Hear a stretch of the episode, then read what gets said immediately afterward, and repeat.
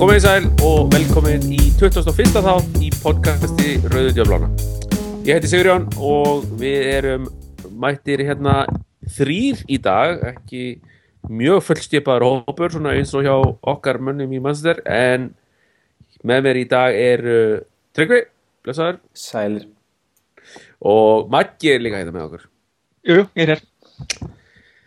Herðu, það er hérna við tókum upp síðasta podcast í svona 20, í kringu 20. februar og þá vorum við í frekar, hvað við segja, við vorum í frekar vonduskapi, við vorum nýbúin að tapa uh, fyrirleiknum í Danmarku í Európa-kemni og uh, var svona þungt í okkur hljóði, við vorum búin að tapa tveim leikjum í Rauðgjörn Söndiland líka á þeim tíma. En uh, síðan komið ansið gott bara hérna, góðu viðsnúningur hjá liðinu sem varði út mánuðin uh, liðið sigraði hérna Shrewsbury nokkuð örgulega í byggakefninni og svo komst áfram uh, gegn dönunum uh, með nokkum örgum sigri á Old Trafford. Svo kom flottu sigur gegn Arsenal og, og yðnaði sigur gegn Watford. En síðan þegar að mars núna sem að af liðið er mass að þá hefur liðið rappað allverulega og verið slegið út úr Európa-dildinni gegn Liverpool af öllum liðum uh, fyrir utan og, og svo auðvitað ömulega leikur gegn West Brom í byrjun mánaðarins. En uh, þannig að aftur komið hún hljóði skrokki núna undarfarið þanga til í dag þegar við knúðum fram 1-0 sigur á City bara í ansið smekklum leik. Og þannig að það er vonandi að, að við getum komist aftur á smá svona rönn og, og unni næstu næstu, næstu leiki það er hans mikilvægt. Uh, spilamennskar hefur svona upp og niður, Tryggvi, hvað hérna mann er svona fannst svona eins og eftir ansi daburt, dabra byrjun á árunu það sem að spilamennskar leysins var ansi stíf, þá fannst mann svona eins og uh, þessi fjóri leikir hérna, þú veist sem byrjar á Srúsbröði leiknum 3-0 leiknum mann er fannst svona spilamennskar svona aðeins vera farin að slípast saman Hva, en, en hvað hva svo? Er þetta bara akkur er þetta svona agalega upp og niður einhvern veginn alltaf reynd? Já, upp og niður er bara lýsingar orðin fyrir stjóratíðu vann gal og þetta er, stærra, þetta er bara hluti af, af miklu stærra samhengi ég hérna var að skoða þetta um daginn og þá einhvern veginn svona poppa þetta bara upp í tölvskjána þegar maður skoðaði úslitin undir vann gal bara frá því að byrjaði þess að Ok, þetta er kannski, við gefum múlum nokkra mánu í byrjun, þá kannski sem við tökum ekki með, þá hérna, þú veist, tókar hann að sex sigurleiki rauð munið í desember á fyrst tímbilsinu og mann held að þetta væri þá komið og hérna, við vorum komin svolítið ofalega í deildinni eftir svolítið bröðsöfa byrjun. Svo kemur svona möstuvinn leikur á móti Sáðandón í janúar 2015 hérna, sem við töfum og við hlöpum svolítið eftir það en ok, svo náðum við það að munið í mars á síðast ári, Leopold Tottenham City og, og hérna, náðum hann á rosa góður önni aftur. Og liðið, ég segi nú kannski ekki komið aftur í tíðilbáratuna en þeir voru minnst að kosti komin í ágæti séns og að gera hvað annað en að lenda bara í þessu umurlega fjórðarsæti, við hefum alveg getað svona aðeins ítt, aðeins kveikt hittan undir Chelsea í restina, en nefn en ákvæða náttúrulega bara, hvernig var það, ég, ég held að við hefum ekki unnið síðustu fimm leikina.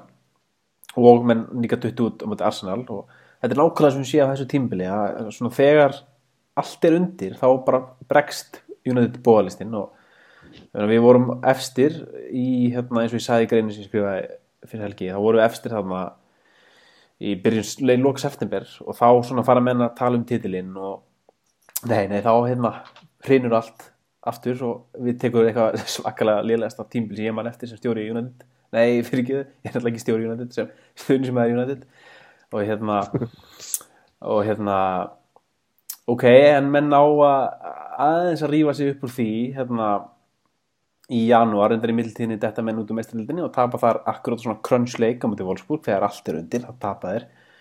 Ok, ná er aðeins að rýfa sig upp í janúar.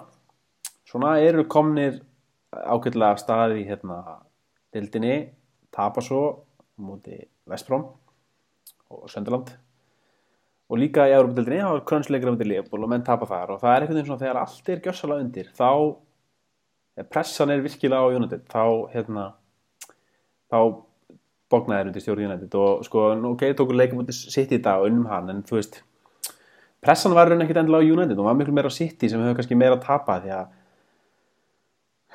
já, ég veit það svo ekki en, en, en mér fannst þau fara til til að pressuleysi inn í þennan leik svona með marga aðra, þetta var ekkit svona einhver úslita leikur þannig sé það var reyndar mikilvægt fannst mér, veist, gríðilega mikilvægt að vinna í dag svo, til þess að eiga, veist, sjens á, á fjórðarsettinu þannig ég, ég svo sem mér finnst þess að það er alveg verið pressa í dag en málið er að það er, veist, hérna við höfum átt þessa 60 leiki oft og við erum bara að vinna þessa 60 leiki þegar við erum að keppa á móti öðrum topplið þegar við lendum að, hérna, við þurfum að vinna þessa, þú veist, þessa krönsleikja sem þú talar um og þeir eru gegn Söndiland eða Vestbrom eða veist, Newcastle eða Stoke eða Norveits eða whatever, þá erum við að tapa þeim eða gera jafntefli eða tapa þeim í jafntefli eða eitthvað álíka sko. Þeir komin Þannig ekki að, svo oft svona einhvern veginn á þú veist, við erum kannski búin að tapa tvo líkir röð og erum, nei, vinna tvo líkir röð og erum kannski að séns á að komast á einhverja góða siglingu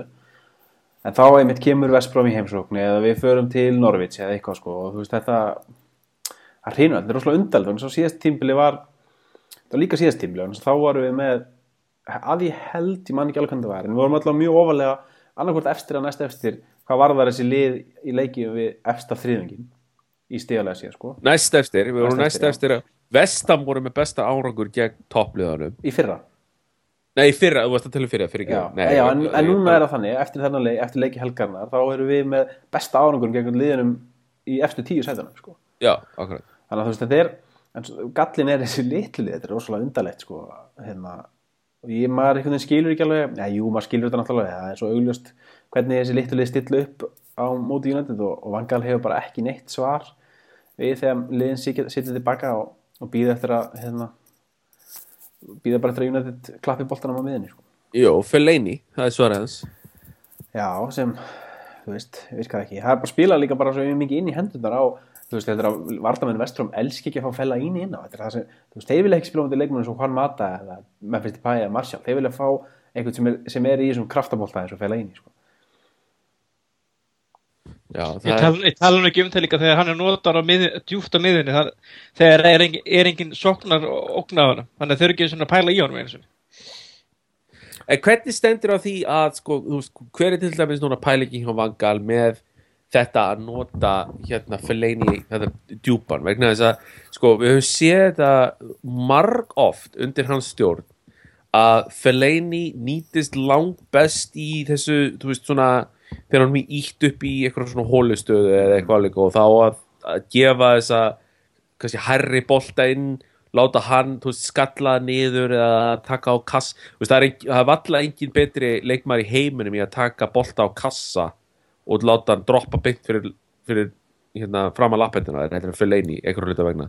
Það er hérna, hann er ótrúlega góður í því og leik eftir leik eftir leik í fyrra þá sást það að hann kom inn og fór í þessa stöðu og, og bjarga okkur hreinlega í, í sumum tilfellum. Og svo erum við að fá Snædilinn og, og hérna og, hérna Svanstekar inn í liðið og maður svona, þú veist, akkverju sérstaklega með það að leiðaljósi að þegar Snædilinn spilar í miðinni og til dæmis í dag að þá hérna gengur United miklu betur.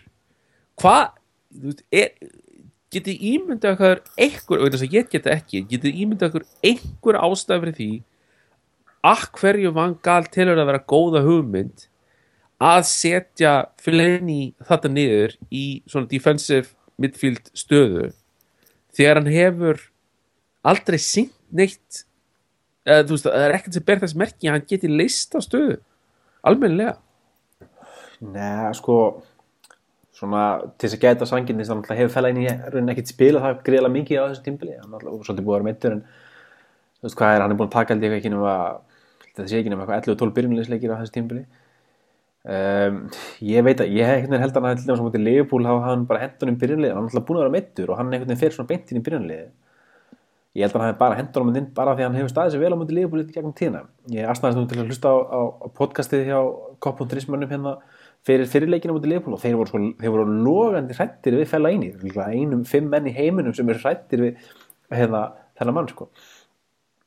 uh, ég sko Snædilin náttúrulega, mér fannst mjög skrítið að hann myndi ekki byrja í Liverpool og þú veist það er svona eins og einhvern veginn ákveðin leikmenn séu með svona frí passa einhvern veginn sama hversu ítlaði standa sig þeir halda áfram og fæla inn í virðist vera með þann þó að vera endar, mér fannst hann ekkit, ekkit versti maður vallans í setna leiknum mútið Liverpool þó hann hafi verið alveg glataður í fyrirleiknum uh, ég, þú veist já, mér, finnst hann kannski verið með hann frípassa sem til og með Snædilin einhvern veginn hefur ekki og mér held að Snædilin hann sínt sig það í undanfættu leikjum hann á alltaf að byrja alltaf að byrja að hafa djúpur á miðinni eða á miðinni hjá United, Gef, gefur þessu svona aukna einhvern veginn bara svo örugur sko, fella inn í það líka Æ, ég veit ekki, hann er bara ekki United leikmaður sko, þú veist, hann er svo, svo mikil kraftar, svo mikil læti í honum einhvern veginn ekkert sérstaklega góður að senda boltan þú veist.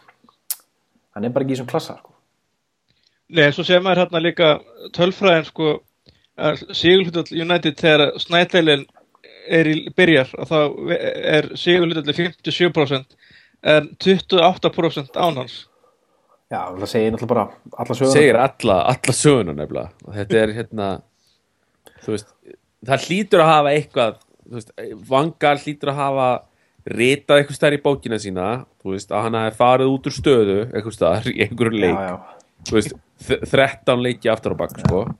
Og, og, og já, og það hefur vantarlega eitthvað, það er engin þú veist, þetta er svo morgun ljóst sko að liðið er að spila betur með hann inn það meikast alveg raunin sens sko að nota fella inn í á móti Leopold en þá frekar þá hafa hann einmitt í þessari hólu en svo við, ég man bara til dæmis á Anfield á síðast tímbili sko þá einhvern veginn Leopold menn höfðu ekki neitt svar við fella inn í hólunni þeir, press, þeir pressuðu svo grimt þá og þeir pressa líka núna.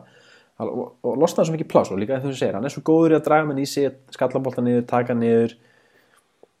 Og, en hann var settur á þetta miðin og mér finnst líka svo skríti í ljósi þess vegna þess að sko Lingard byrjaði í hólunni og mata út á kanti ok, ég kannski skil það að fella inn í viku fyrir mata í hólunni en ef þú ætlar að hafa mata út á kanti akkur þá ekki bara hafa fella inn í hólunni það sem hann, veist, hefur í gegnum tíðina valdið mestum usla sérstaklega móti Liverpool.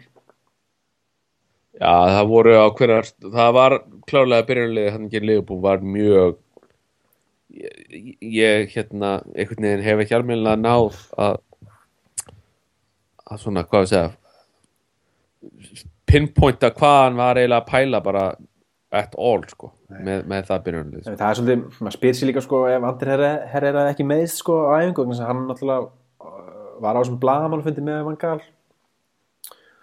áður en að mittist eftir hann áður en að mittist sko. Þannig að veist, maður veit ekki, hefði hann komið inn fyrir Karrik hefði hann komið inn fyrir Fellaini sko maður veit ekki alveg pælingina, þú veist hvort að hann hefði átt að koma inn þar En hann, hann hefur náttúrulega verið að, hérna, þegar hann var þú veist, gegn Arsenal og þegar hann var að spila alveg gríðalega grimmur þá, þá var hann í hólni, það ekki? Eða hvað?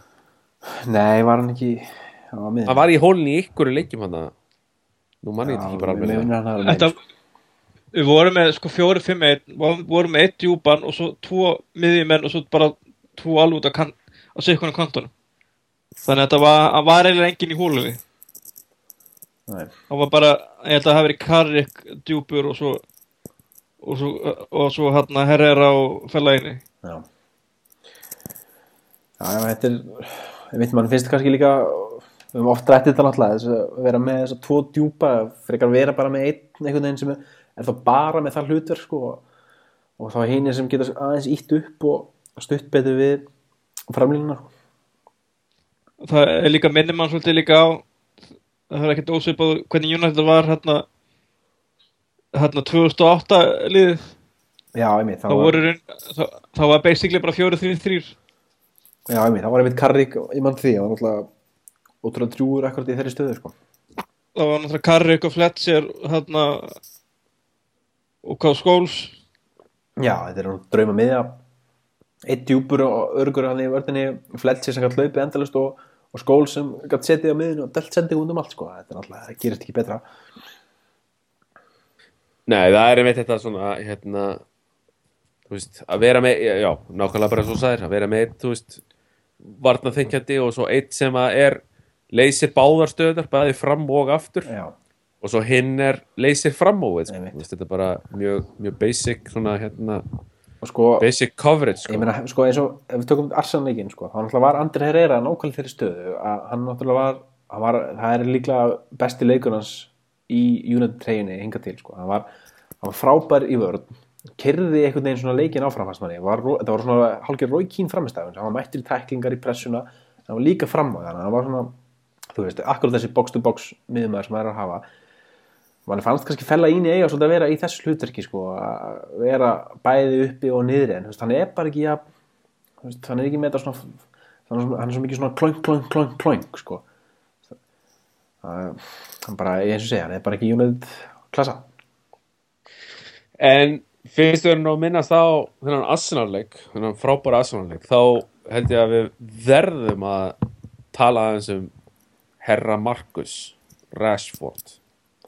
Það er yndisleg saga að hérna að í, í, í sköpun þar og, he, og er orðin yndislega líka við nú þegar.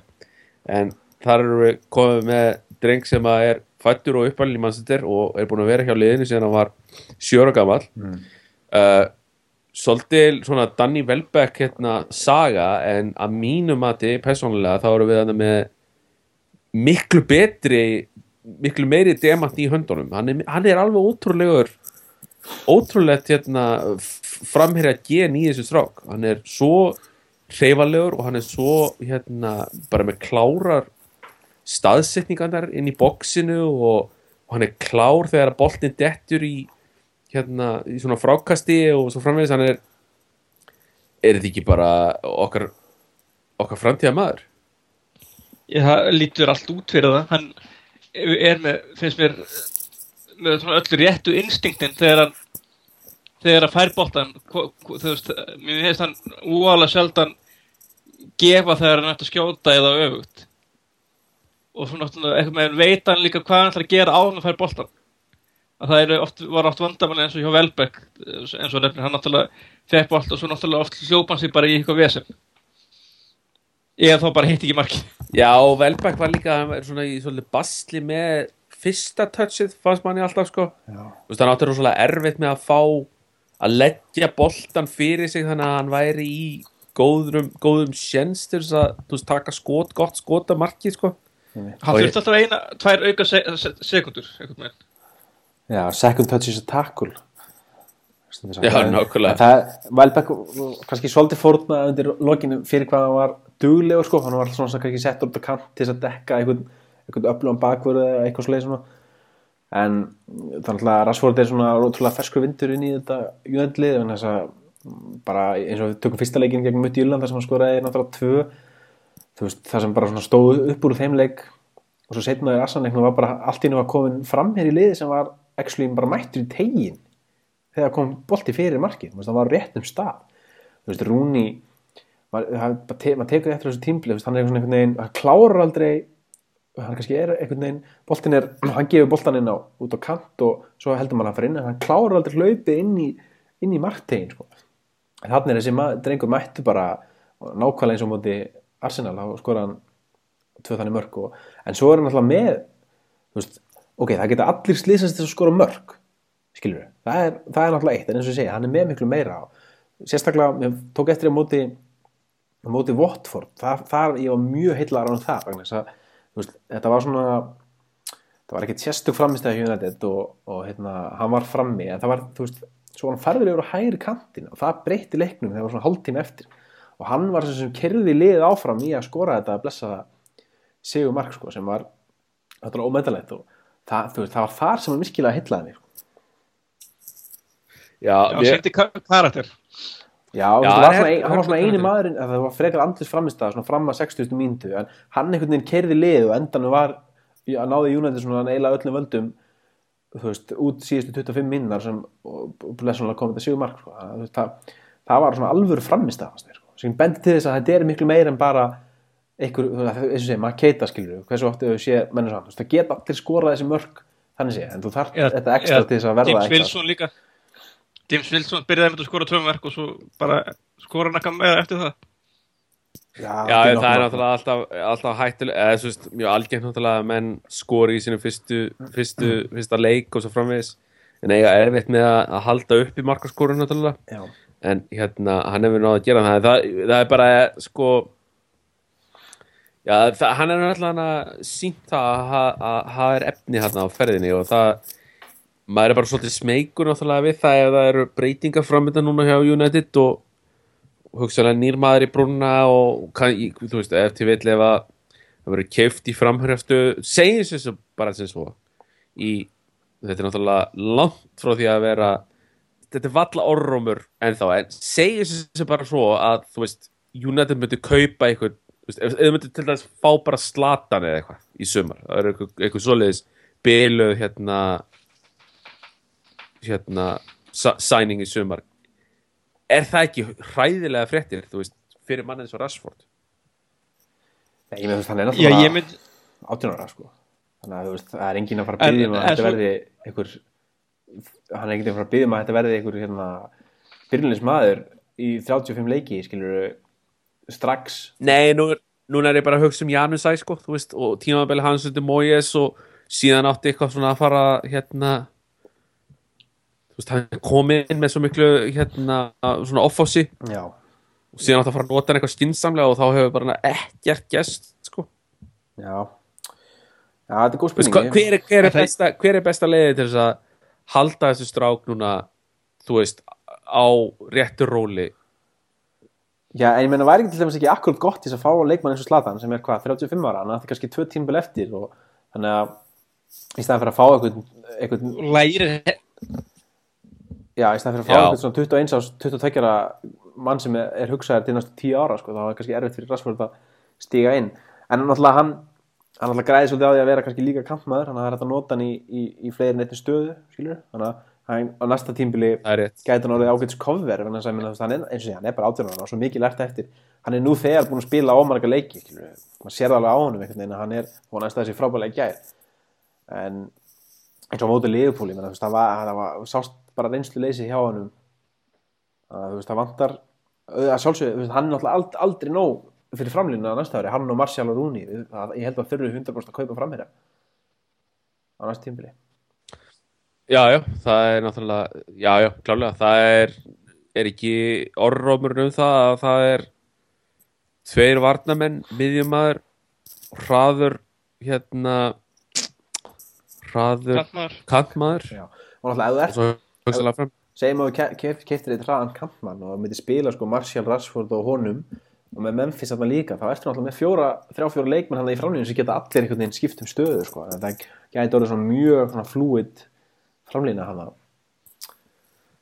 e, Já, e, sem að, þá erum við konum, við þetta sem við tala marg oft í þessum podcastum að, að okkur vantar, okkur vantar tvo alvöru menn í hverja stöðu, sko. Og Já, það að hefur vantað, Já, menn þurfa alltaf að hafa þessa breyt og það er náttúrulega það sem Van Gaal hefur algjörlega klikkað á. Það er, þú veist, þegar hvað hann ska, skar einhvern veginn allt og harkalega niður í, í, í liðsopnum og eins og við höfum kannski farið yfir. Og þú veist maður sá það bara í leifbúleiknum til dæmis að menn hefðu bara ekkert bensin í það að hérna, klára þennan leik sko, eftir náttúrulega liðið búið spila hérna, leik á 3-4 fresti síðan í hvað byrjun februar sko. Og ma ég meina maður sá alveg að leikminn voru orðin þreyttir strax sko, í nóvember. Þannig að það er lítið til skiptana í leikmannhófnum Núna skrifaðir þú Tryggvi um daginn ansi góða greinum sem hétt við þurfum að tala um Louis van Gaal. Og það hérna skapaði ansi líflegar umræður á síðan í okkur og hérna mjög góður umræður. Og við þokkum öllum, öllum góð, þeim góðum kommentum fyrir auðvitað uh, eða þú svona, hvað að segja, þú kemur með eldsnögt recap á þá grein, hvað Já, þá, ég var svolítið hvernig myndi hvernig það verið? ég opnaði hann svolítið á því að við hérna, sem ég var að tala um áðan sko, að einhvern veginn liðið bognaði alltaf við byrjaði að tala um að við 28. september hefði verið, verið á toppinum en, en hérna síðan er falli og svo náttúrulega þessi staðrind sko er náttúrulega hún æpir á mann sko frá því að 28. september hefur að vísu þar að uppfæra núna við hefum spilað 34 leiki síðan þá og við hefum bara búin að vinna 13 Skilja, þetta er náttúrulega hróttalega lélugur árangur fyrir liðin sem Manchester United og það er náttúrulega það er þetta sem er fer mjög töðan á mér og kannski eitt sem svona, svona kannski fekk mig til að skrifa þessa grein var meðal annars vegna þess að í liðupúleiknum á 50 dagi þá byrjaði bara einn útileikmar af þeim fimm sem United keifti sumar. Skilur þannig að það hérna það svona sló mig svolítið þannig ég fór á, stúfana og, og náttúrulega þetta var líka svolítið að því vorum að spila mútið Liverpool sem náttúrulega tók það ákvörðun að skipta út stjóra. Þannig að þeir sáu bara við erum með hérna Rodgers, ok, hann er kannski fín en búm Jürgen Klopp er á lausu, við erum aldrei eftir að fá betri stjóra en hann hvaða stjóri er hann jafngóður að hann getur komið til Liverpool. Þannig að þeir tóku bara þessu ákvörðun. Þar með fekk hann ókipis tímbil ég meina þú veist, þetta tímbil skiptir hann einhver máli fyrir Liverpool, þannig séð. Og hann, hann núna er hann að vinna hann fyrir næst tímbil veit hann hvað hann þarf. Og þannig sko United, Liverpool, mann finnst kurvan þó, svona, svo er fókbalti fljóttur breytast en náttúrulega töfum fyrir Sandon en samt sem að finnst manni Liverpool kurvan vera aftur komin uppleið undir stjórn Klopp. En þú veist mann finnst United undir stjórn Van Gaal einhvern veginn algjörlega stefnlaust eftir sko tvö ár. Þú veist, getur einhver séð hvað er stefna, veist, hver verður arflegans mestalagi það að hann hérna kefti Martial og kannski 1-2 af þessum leikmönnum sem hann hefur verið að koma upp í liði af þessum ungu leikmönnum sko. Og ég meina náttúrulega hann var ráðinn bara með það hlutverk að svona rétta skútuna við, byggja upp og skilja eftir góðan hóp fyrir næsta stjóra. Þú veist, hefur hann gert eitthvað af þessu? Nei og í þessu var býtu, býtu, býtu, í þessu kristallars Já. staðreind að, að hérna, aðeins eitt leikmar af þeim fimm sem hann kefti í sumar, taldi hann vera nógu góðan til að byrja, það var allir, allir heilir, enginn af þeim eittur enginn af þeim byrjaði hennan ótrúlega mikil á leikamóti Leopold og hann að þú veist, ég veit ekki bara með svona vegferð sem hann er á og ég, ég er hættur að skilja hana. Og þessar skiptingar til dæmis, maður, þú veist, ég bara ég botna ekki ein, eiginlega neinu sem hann gerir. Og jú, það var rosa fýtt sigur á móti City, en svona samt ekki gleyma því. Að við, ef við hefum ekki unnið þetta City-lið sem var sko ekki með varnamennin sína, með tvo hróttalega liðlega varnamenn, Demi Kjelis og, og hennar Mangala. Þú veist, frekar brotið á móti hérna, liðunum í toppsætunum er ekki búin að vinna leik á móti liðunum í efstu, ég held að sé efstu tíu sætunum. Pælið því? Þannig að þú veist, þetta, þetta var, jú, flottu sigur en ég menna, þú veist, slúm ekki missa okkur sko. Vangal er, hérna, hann keipti sér kannski smástund með þessu, en ég menna, þetta er bara búi hjá honum. Og því fyrir sem Mourinho kemur á Old Trafford, því betra. Og svo náttúrulega skapast þessi umræða um hvort Giggs og hérna, Ég er alveg, hvort að Giggs eða Van Gaal ætti- Giggs ætti að taka við að Mourinho við getum, við getum tekið hann núna. Sko, en, ég, en tóku eftir já Maggi hvað er með hvað? E- Nei, þetta tala um nefnir þetta gigs hérna, það var mjög áhugavert að segja hérna um þetta Liverpool. Þegar Bleiku var búinn og þá alltaf stendur hann upp hlýðlínu sko fyrir myndaðalennar en ekki í dag þegar United er náttúrulega er, er að vinna en, en það sýnir maður hve- hversu mikið sko ímyndar stríðir í gangi sko.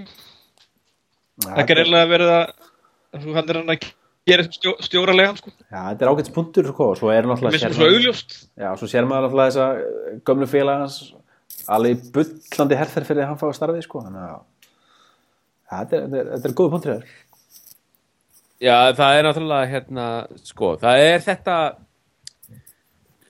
sko, þeir örfáur hræður sem að eru ennþá á mangal vagninum að þeir vilja, þeir vilja meina það að það hafi klikkað leikmannakaup, leikmannagluggar hafa klikkað og, og hérna ég veit nú ekki alveg að hverju við ætlustu þess að, að það muni ekki fleiri leikmannagluggar klikka undir stjórnvangal en er það svona valið punktur að hann gluggarnir fóru ekki eins og hann ætlaði sér og hann eigi en stíli það er alveg fjóri gluggar. Já það er alveg fjóru gluggar en ég, nú er ég að leika nú er ég að reyna að setja mig í spór hérna sko, sem að eru svona, svona devil's advocate. Já, Já, sko, við gerum okkur alveg grein fyrir því. að fá einn? Já, við gerum okkur alveg grein fyrir því að- að að Ed Woodward er nú kannski ekkert svo sleipast í bransanum sko, en, og, og kannski taka fram að þessi grein fjallaði ekki neitt um Glazerin og Woodward sem að vissulega eiga risastóra sök á ástandi United í dag. En þú veist, United er ekki með eitthvað svona direktor á fútból en eitt svoleiðis, þú veist, Van Gaal stjórnar ferðinni í þessu leikmannaglugum, þú veist, hann bendir á þá leikmenn sem hann vil fá. Og hann, þú veist, hann og þessi leikmenn sem hann hefur keipt þeim var ekkert þröngað onni hann, skilur all leikmenn sem hann hefur valið já, já, það er algjörlega Já. það er algjörlega rétt. Og ég myndi, ég myndi líka kaupa svo vörn ef þetta væri ekki fjóru ef þetta væri einn eða tveir. Okkur þú veist, eitt tímabil okkur erfitt en fjó, fjóru gluggar er ekki í óöfni, það er bara munstur. Ég, ég tek alveg undir það tek alveg undir það. En svo er þetta með gigsin það hérna, sko mér finnst það algjörlega alg, bara glabræði að ætla að fara að ráða ræða gigs sem stjóra, persónulega. Uh, veist, hann hefur hérna nákvæmlega tó, algjörlega tóma ferilskrá sem stjóri. Hann er búin að sitja við hliðan á vangal hérna hvað í tvö ár rúm og það er alltaf sund að sko að ætla að ráða eitthvað sem stjóra Master United sem að hefur aldrei stjórna lífi Hvort- bara, já, þú veist, hann stjórnar reynda United þannig eftir að Móiðins var reikin hvað í, í einhverjum fjóra-fimm leikjum eða eitthvað var það ekki? með fjóru leikir. En, Það eru, ég en sko ég bara get ekki séð hvernig ósköpunum þetta á að vera góð hugmynd. Þú veist ok, þú veist ég meina ef hann væri búin að stjórna núna Swansea eða einhverju svoleiðis lið, ég nefni alltaf Swansea bara vegna þess að hann var nú hérna orðaður Er við þá já, er velskur í fyrsta leið og var líka orðaður í þá stöðu þegar hún losnaði eftir að mokk var ekki en, en hérna, en mér fannst það til dæmis vera gríðarlega góður klubbur fyrir hann til dæmis til þess að stjórna. Ef, ef að Swansea hefði áhuga á því þá hefði ég alveg verið tilbúin að láta Giggs senda hann bara í þjálfun þanga sko, þess, þess vegna.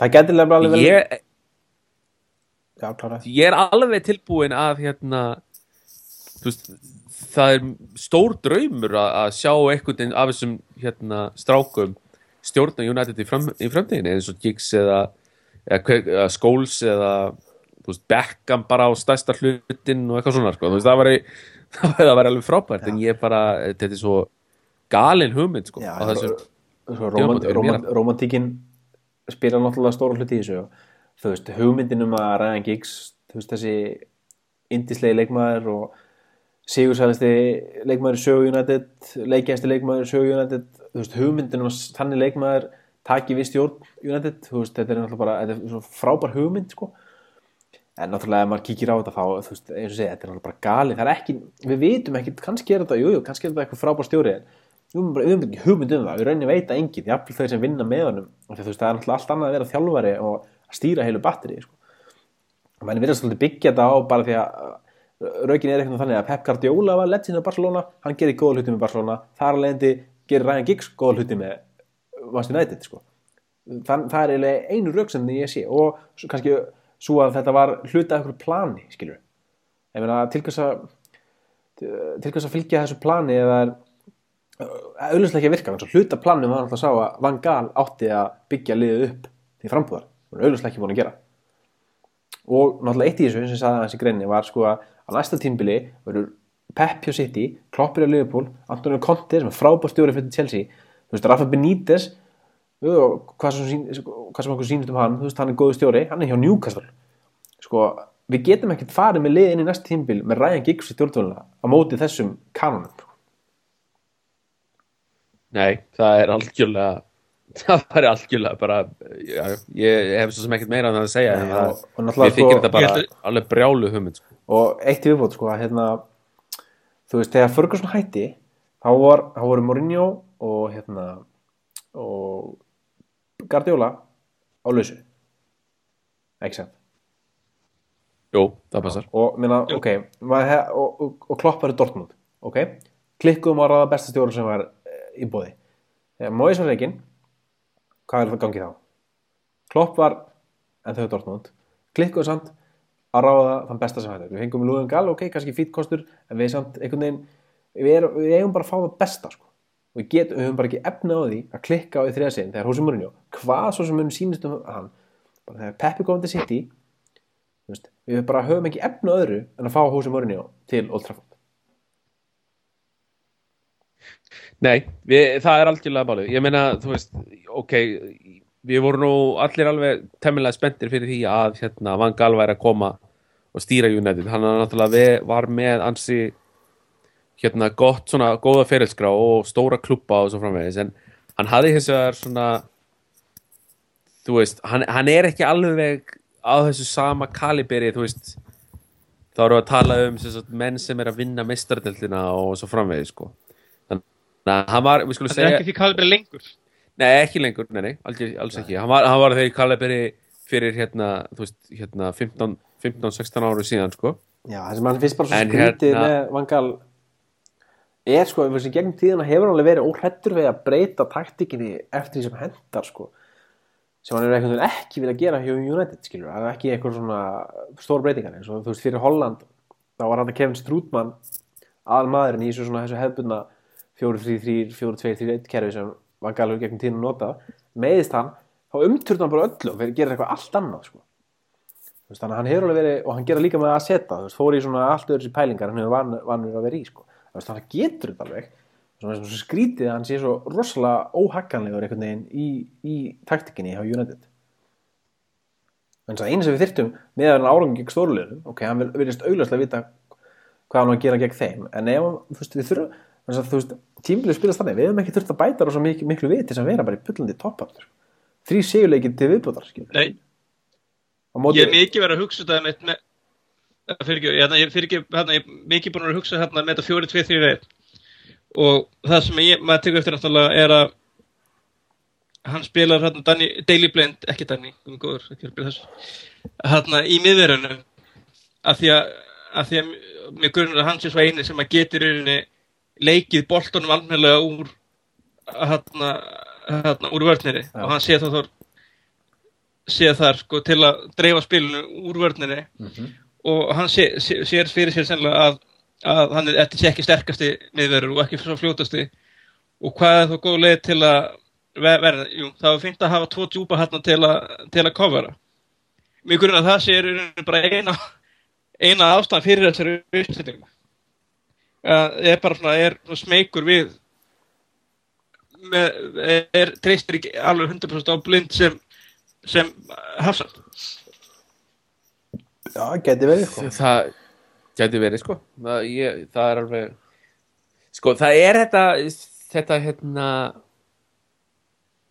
það er þetta possession fókus sem að ég sem að ég held ég að hann sé svona uh, hans mesti miskilningur því að hérna þú veist, sjáum til dæmis bara hver er að vinna þessa deild núna og á hvernig fótbolta. Það er Lester, Já. þeir eru að vinna á hérna sama Það er bara- og, minna, sama tíma er Luis Enrique búin að bre- umbreyta þessu Barcelona liði sem voru svona konungar possession boltans yfir í svona að vesturleiti gríðarlega öflugt counterattacking tím sko, þannig að svona þessi counterattacking bolti er að koma rosalega sterkur aftur einn sko. á kostnað og það er það sem að hérna, það er það sem að hérna, gerir mig svolítið spenntan fyrir Mourinho er það að Mourinho hans filosófía er það að þú ert brjálaður ef þú spilar ekki skyndisóknarbólta Já. það er í raunum hérna, svona effektív hérna, árangusmesti fótboltinn til að spila að hans mati og hérna og þannig var Manchester United undir Ferguson besta liðið já, voru rosalegi skyndisóknar boltar sko. þannig að hérna voru það við, við bara verðum að fara aftur í það. liðið í það í dag. Þetta held ég mitt sé að vera mitt möst að fá snakka kantan upp á það mitt að Já, okkur hefur- spila okkur- okkur hefur vanta, okkur vanta svoleiðis með en við, við vorum til dæmis með þú veist, Di Maria sem að hefði verið frábær í svoleiðis system sko, en hann ég held bara hann að- bara ég held að hann ekkert vilja að vera þetta nei, nei, það er Ég- svo sem alltaf að að hann sagði, þú veist, en, en ég, ég held að menn hafi alveg, þú veist ég held að hann held- vilja vera að það- vegna þess að hann var aldrei í sinni stöðu Já, og við þú veist, já. var leiðilegur og skulum bara gleyma Di Maria þetta og er, að og það er ég er alveg að því að að Di Maria hefði ekki orðið hörku leikmar hjá Master United ef það bara, eh. Það er við værum með eitthvað annan stjóra hann væri ennþá í United. Það er algjör óþarf að ræða þetta. Hann er, hann er farin, alveg. Kemur ekki aftur. Tryggvi hefur verið brendur allt svakalega Di Maria. En hérna en ok, ef við förum aftur í, í hérna stjórnadótið aðeins að því að hérna ok, við erum sammála því að Giggs sé, það sé brjálaði að, að ráða Giggs. Og það er búið að vera það eru nú sumir sem að kaupa það ekki en þá að, að Mourinho sé á leiðinni og maður er svona, mann finnst eins og hérna, maður eigi mjög erfitt með að, að hérna, trúa þér hérna að sé á leiðinni. En það eru allir þessir hérna það eru öll vött sem renna til hans. Og eins og til dæmis með hérna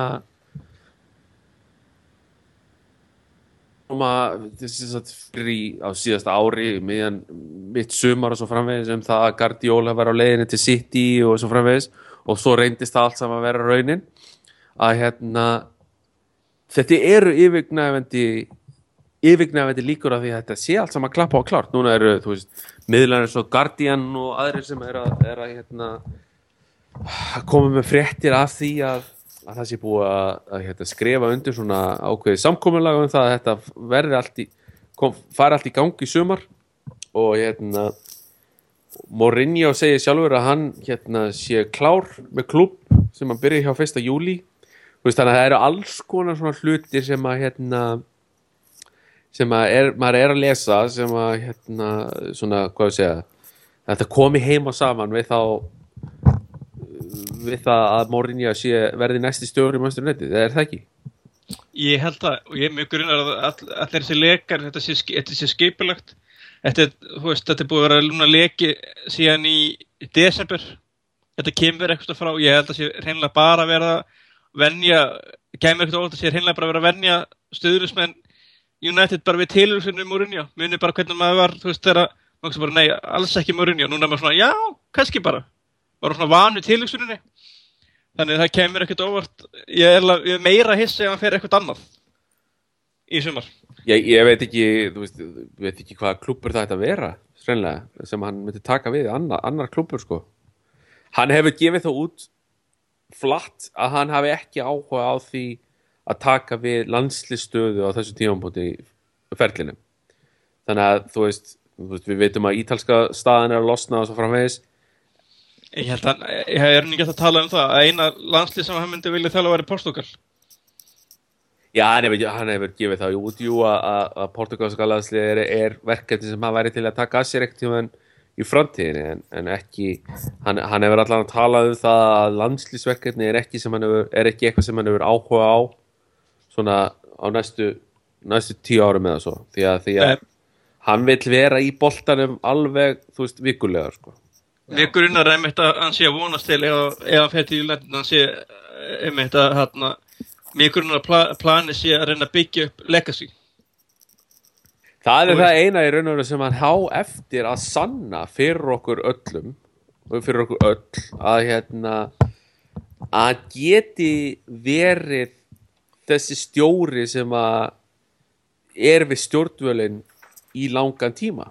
Hann hefur alltaf verið svona frekastutt ég meina, þú veist, ok, við kynntum tekið þá umræðum það að stjórastaðan sé mjög, sé mjög breytt staða frá því þegar að þú veist, Ferguson var hérna á síðustu, síðustu öld uh, og, og fram fram myndi 2013-14 en hérna en sko, hann hefur aldrei einhvern veginn fest í sessi almennilega hjá neinu liði og það er eitthvað sem að ég held að hann hljóti að, hafa áhuga á að breyta og ég held að United hafi líka alltaf verið sko klubbur bara frá því byrjun hans ferli líka við hafi alltaf verið klubbur sem hann hefur haft mjög mikinn áhuga á að stjórna.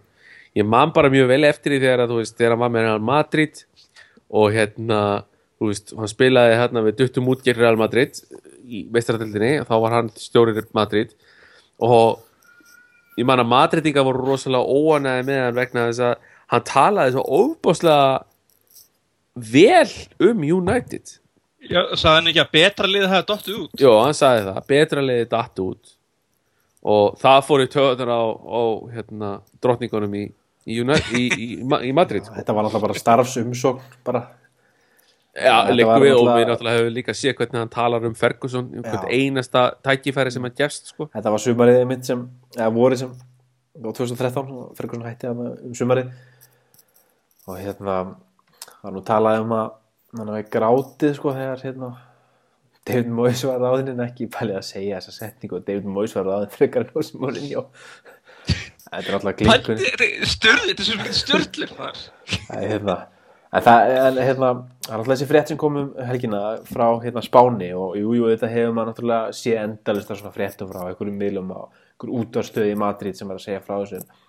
En alltaf blaðið sem er með þetta hérna, þessar fréttir um að, að Mourinho hafi skrifað undir en hann blæsaði eitthvað samning sko sem segir að ef hann verið ekki búin að ganga frá ráðningun til United fyrir fyrsta mæ hvað, fá hann Já, fimm- eitthvað já, eitthvað svona, fá hann 5 miljónir og, ef það er ekki búið að ganga frá því fyrir fyrsta júni fá hann hvað, 10 miljónir eða eitthvað Já, þetta er, þetta er eitthvað svona pay and play þannig að hann fær, hvort sem hann fái da- starfið ekki þá fær hann borgað. Já, og sko, hérna, blaðið sem er með þetta, þetta er El País á, á Spáni sem er náttúrulega bara, þetta er stærsta blaðið á Spáni, þetta er engin, þetta er engin pappispjessi, sko, þetta er, þetta er alveg blað og Þetta sáum við, sáum við líka allir þessum helstu miðlar sem var svona tristir á Englandi pikku upp þessa frétt, sko.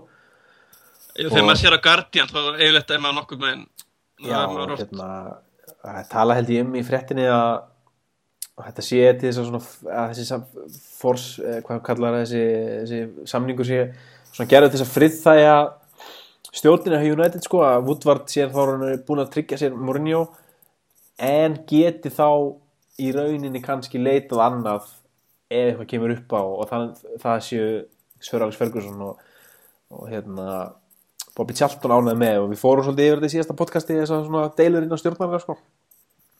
Ég, ég, ég skil ekki ekkur það er ekki hreinlega bara búið að dæma það frá öllum ráðningum bara, þú veist, eftir Mois það mátt ekki hafa neitt um ráðningu að segja hann, Ég held í raun og veru að það sé bara hreinlega tilfellið sko. það var alltaf gert með Van Gaal minnið að að tala um að Woodward væri svona flying solo þar sko svona svolítið án Sör Alex sko þannig að ég veit ekki ég þetta er bara svona einhvern veginn ó, þetta er bara óhjákvæmilegt. Þú veist, þetta er alveg sem, eins og segja með Guardiola sko, þetta er svona verst geimda lindamál í, í bransanum í dag. Það er bara spurningum um, um hérna, hvenar ekki ekki, ekki hvort. ekki hvort. En a- er hann að taka, þú veist, að hverju hérna, hver haldið að sé aðal ástæðan fyrir því að hann sé að fara að taka við Akkur haldið að hann vil ekki bara taka við bara eittur á bingo og fá til dæmis eins og þú mentist á með klopp, ég meina það, það er orðið frábær aðstæða fyrir klopp að, að geta komið svona inn tiltröðlega snemma á tímanfélinu og að þannig samt tím nógu seint til þess að þetta sé svona hálfpartin komin í vaskin hjá þeim sko, í deildinni Já, já, akkurat, það er engin, það er líka við engar væntingar lengur til en árangus tók hann ekki, tók hann ekki í oktober samt? Jú, þú veist, það segir bara allir segja það.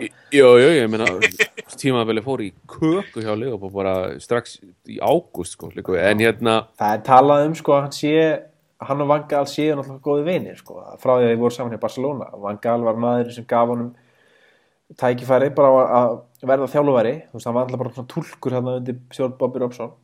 En. Van Gaal svona þú veist, leiði honum að stíga sín fyrstu skref. Sé, hann, finnst það bara svona ekki til hliðilegt að að einhvern veginn svona taka við af Van Gaal. Að United síni honum þá virðingu að leiða honum minnst að klára tímblið og minnst það svo sem alveg virðingu að vera aðstæða við grunna nákvæmlega að sé það bara að sé að eigi bara að leifa vangal veist, og svo hættir hann Já, Í vor. hættir, fer, fer, hann segir upp þeir sjáu það ekki hérna en ég er að gera gæsa upp með fingrunum. Já, þetta verður svona mutual agreement eitthvað.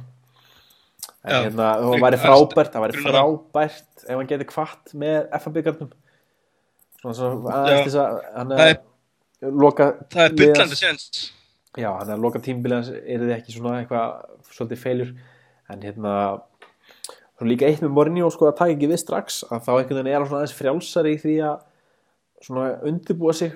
Þú veist það þarf hann ekki að vera að hugsa um þetta svona day to day dæmi hjá United að þjálfa lið og eitthvað svona þó að auðvitað væri kannski gott en getur svona byrja að læra taktikina en, en þú veist núna getur hann hann alltaf sjálfsög með sitt eigið þjálfarteimi sem vinnur bara með honum. Og þeir eru, Já. þeir eru alveg, ég skal lofa okkur því þeir eru á fullu núna að hérna undirbúa þetta. Að tala um hann hefði byrjað á því bara strax í desember eða bara fljótlega eftir að ráðin hann senda hann þetta blessaða bref hann til United sem menn hlónu reyndar að og trúði ekki en hann hefur gert þetta áður hann hefur sendt bæði, bref bæði til Barcelona og, og Liverpool sem svona sagði hvað hann myndi gera. Og hann er búin að ferðast um En- Evropu og, og hérna skoða leikmenn. Og hann er 100% núna að undirbúa sig undir þetta sko. þannig að hann kemur hann inn alveg saman takir við í júli eða í júni eða eitthvað hann mætir á svæði klár í slægin en það er eitt sem við hérna ég maður að hugsa bara, æ shit, ekki taka júli og þá hugsa maður, ég stokk við í júli og þá fór en það náttúrulega er EM sumar Já, einmitt, Er og, og, náttúrulega, og Mois var náttúrulega í öðru starfi sko, alveg til 1. júli sko. Þú veist, hann hætti bara hjá Evertón 31. júni, mætti bara svo til júnan daginn eftir sko. En það er líka bara standardin að undirbúinastíðanbel byrjar hjá liðunum, þú veist, 1. júli. Þeir sem eru ekki að fara að spila á EM, þeir mæta til leiks, þú veist, til að byrja æfingar aftur 1. júli, sko. já, Þannig að, hérna, menn fara í frí og það er ekkert bara, skrifstofan er bara lókuð, sko, já, já, hann, og, ég, hann er náttúrulega bara að vinna í sínum málum varandi United væntalega hvað þarf? ég vona líka, hann er náttúrulega með Mendes ég vona líka ég vona líka að hann sé búin að núna vera með menn í því og kannski eppil sjálfur vera að horfa leiki og sé svolítið búin að kortleika leikin já, sem er hann nokkuð er fyrir. þannig að það er ekki, 100%, það, 100% ég finn enn ekki að prí, prí, að vera óþólandi að prísi svona færi það að prófa all aftur og svo er, er svona, æ, shit, kaupum þennan já, já, Nei, nei, það er einmitt þetta sem ég myndist á fyrir podcastinu með það hvaða leikmenn þarf að kaupa. Það er hérna, það er víst búið, já, þú veist, það var einhver, einhver, einhver hérna, bara orrumur og það og einhver kannski lekið ef til vill að, að hérna, hann væri í raun og veru búin að mappa núverandi hóp og væri búin að, að hérna, að nefna stöður sem voru sem sagt tveir varnamenn og miðjumæður og hrað, hrað, hérna, hraðskreiður kantmaður já. og það væri raun og veru allt á fullu núna að vinna í því að, að koma með nöfn í þessi stöður sko, sem að herra, sem að er síðan undir meistara Ed Woodward að nálgast Já, þá- og svo er náttúrulega Mourinho mjög náinn Jorge Mendes og, og, og Woodward líka. Ná, þetta er svona, er einhvern veginn bara spurningum þú veist að 2 plus 2, 2 plus 2 eru 4 einhvern veginn, þetta er, þetta er bara þetta er svo borlegjandi að það er ekki annað hægt sko. það mætti eiginlega segja það að svona að Mendes sé okkar nýji direktor á fútból í rauninni, sko, að vísu er er svolítið fróðlegt, spurningan það verður undir Mourinho, sko, það er svona búið að vera slúður undan farna vikur um að að United sé að ráða direktor á fútból og hafi leitað til henni, mann ekki hvað hann heitir hann að görni á Atletico Madrid?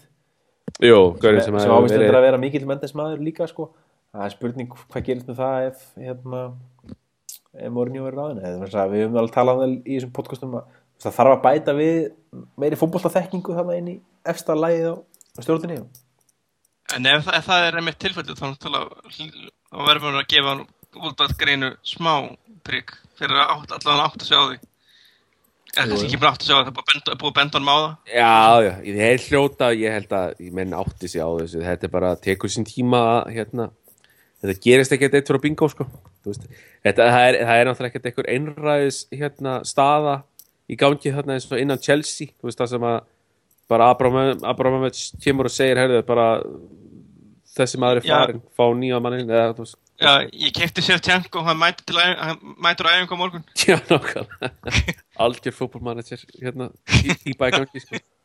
Nákvæmlega. Já, þetta er, þetta er spennandi og hérna en við svona endum þetta kannski aðeins á að kíkja á svona næstu næstu leiki. Hvað, það eru hvað eru margir leikir eftir í deildinni? Það eru Sjö leikir er það ekki? Sjö leikir eftir eitthvað svo leiðis og svo eru eru, eru við ekki búin með sex, sex leikir. Erum við ekki búin með 30 leikir, ekki 8 leikir eftir?